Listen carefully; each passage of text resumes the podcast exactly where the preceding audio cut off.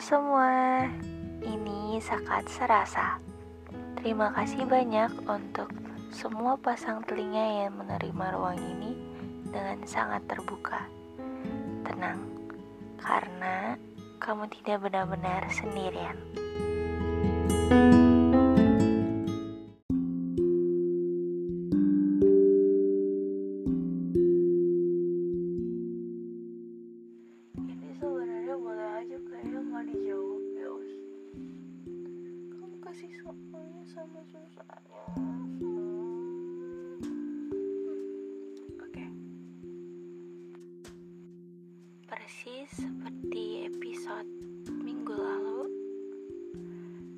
juga akan menjawab lima pertanyaan dari Us. Yaudah kalian simak aja ya. Ini lima pertanyaan dari dia dan yang akan aku jawab juga pakai mikir soalnya nggak nggak tahu nggak punya naskah Eh,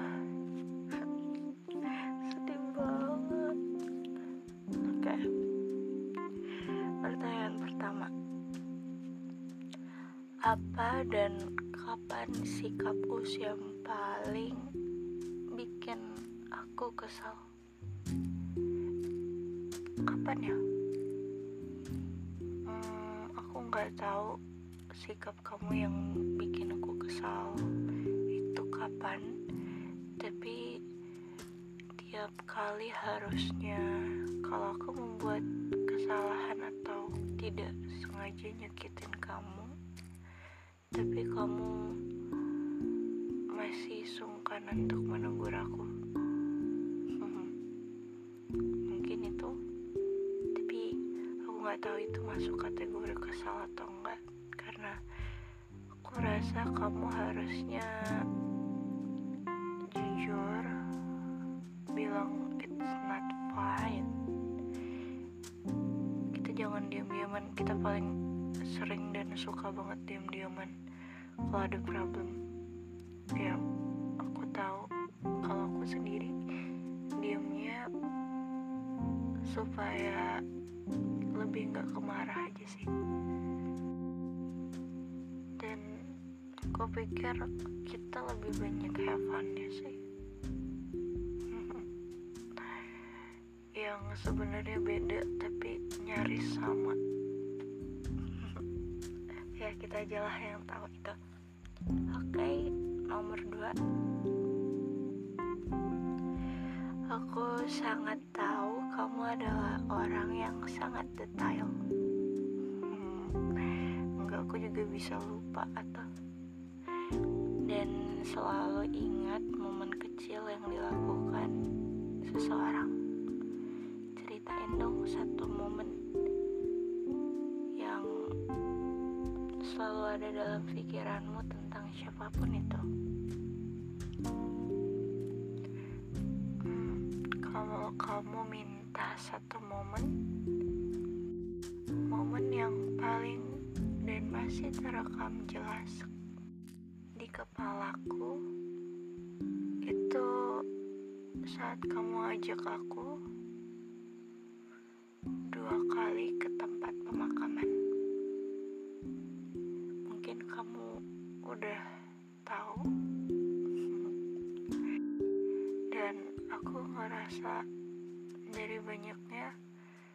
teman-teman yang ngajak have fun tapi untuk merenung dan untuk bersedih kamu adalah teman. Kamu adalah teman saya. Karena aku rasa kalau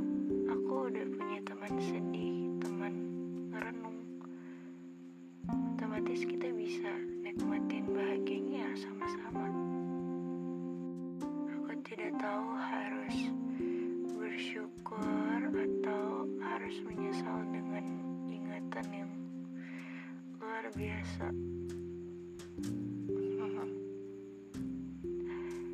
Sebenarnya luar biasa banget sih, tapi ya kalau Allah bilang aku sanggup, aku akan tetap senang sama momen buruk maupun baik. Apalagi sama sahabat seperti kamu. Oke, pertanyaan ketiga. Dari banyaknya kejadian yang terjadi, pernah nggak kamu merasa kalau itu kamu banget dan kejadian itu menggambarkan tentang kamu? Kalau pernah, kapan dan gimana perasaanmu?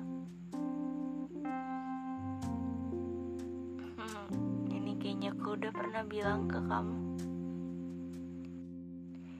Tapi mungkin masih beruntung di kamu. Karena seperti yang beberapa tahun mereka kenal, saya adalah seseorang yang pendiam. Bukan karena introvert, tapi karena saya ingin diam. Mungkin saya salah mengambil langkah. Saya salah memperkenalkan diri sehingga untuk beradaptasi saya rasa itu bukan lingkungan yang baik atau yang tidak cukup baik untuk saya meski sebenarnya orang-orangnya baik mungkin saya terlalu beranggapan dengan pikiran saya karena sejak kehilangan banyak teman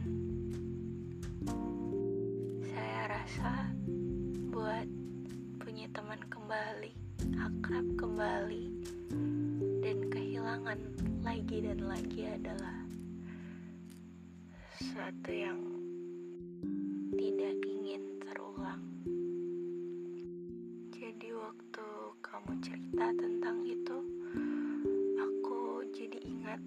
aku di sudut sedang menahan nangis untuk tetap bilang ke diri aku sendiri, aku gak apa-apa, aku bisa, aku kuat,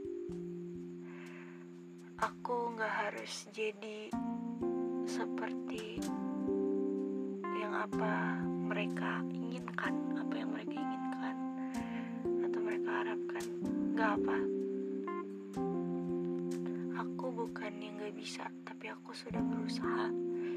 Kalau hari ini aku terlihat buruk, besok aku akan menjadi lebih baik, mencoba lebih baik. Karena kondisi aku saat itu semakin disudutin, semakin ngerasa kalau ya kayaknya aku emang gak bisa ada di sini. Tapi aku harap semoga kamu gak gitu, gak sama lemahnya kayak aku. Dan aku juga akan belajar untuk tidak menjadi lemah. Bismillah. Baiklah, ke pertanyaan keempat. Apa yang kamu lakukan jika kamu ada di posisi yang memaksa kamu untuk menjadi orang lain? Seperti orang bijak berkata, lebih baik kamu menjadi diri kamu sendiri dan dibenci banyak orang daripada kamu kehilangan dirimu demi mendapatkan sebuah pujian. Dan sejak membaca kalimat itu, aku jadi ngerasa kalau aku diam, kalau aku menjadi terlihat seperti apa yang di mata mereka, itu adalah aku yang nyaman dengan seperti itu. Karena dulu saat aku melihat seseorang yang diam, aku pikir dia sedang tidak atau mengabaikan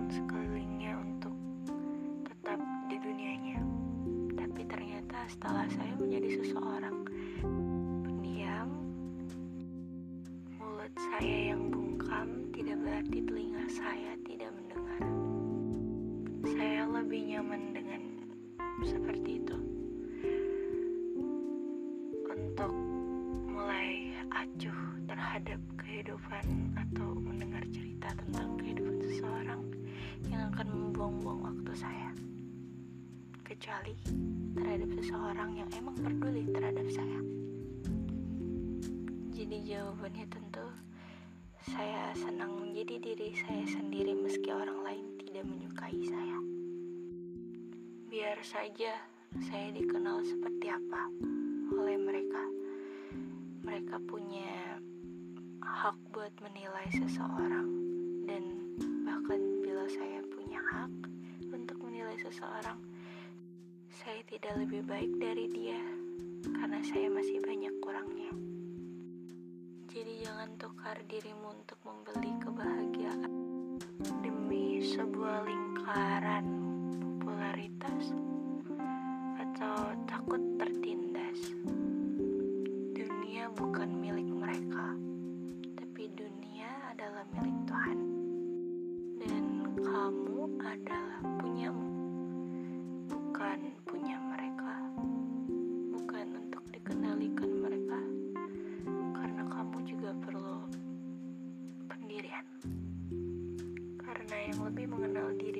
adalah kamu sendiri.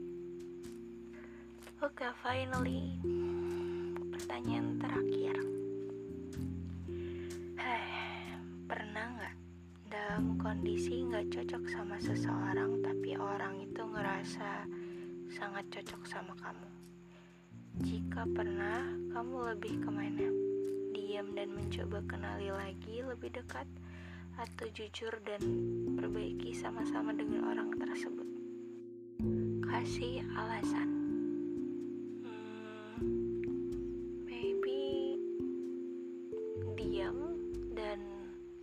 coba kenali dia lebih dekat karena semua orang pasti punya ketidakcocokan sama kita tapi gak akan semuanya gak cocok pasti ada aja yang nyelip hanya beda pengungkapan tapi tujuannya sama. Karena aku pasti akan membuat pendapat yang saya balikkan ke diri aku lagi. Jadi kalau misalnya aku di posisi dia aku punya pendapat yang aku rasa itu persis dengan dia tapi dia ngerasa sebenarnya itu nggak cocok aku dengan dia akan ngerasa apa ya jadi agak ragu lagi buat memberikan pendapat aku nantinya maybe kayak gitu oke okay. sudah sudah sudah sudah sudah sudah sudah sudah oke okay. makasih makasih loh semua pertanyaannya.